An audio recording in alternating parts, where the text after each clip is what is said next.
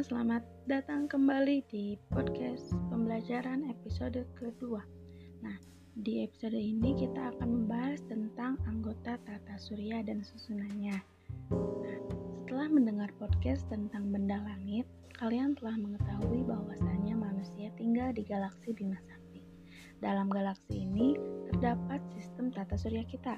Tata surya kita terdiri dari 8 planet yang mengelilingi matahari Selain planet dan matahari, sistem tata surya juga terdiri dari satelit, asteroid, dan komet.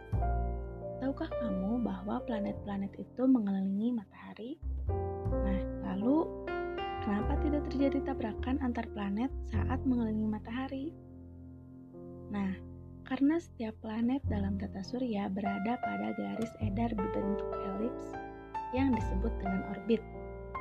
Selama tetap berada di orbitnya, planet-planet tersebut tidak akan saling bertabrakan.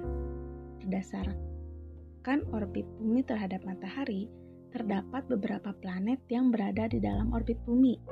Planet-planet yang berada di dalam orbit bumi disebut dengan planet inferior atau planet dalam, yaitu planet Merkurius dan Venus.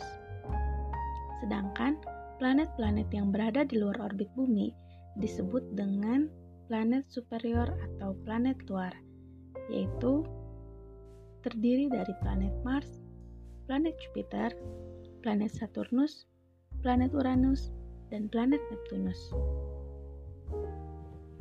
Tahukah kalian, selain mengelilingi matahari, planet-planet tersebut juga melakukan rotasi. Apa itu rotasi? Ya, kita simak di podcast selanjutnya.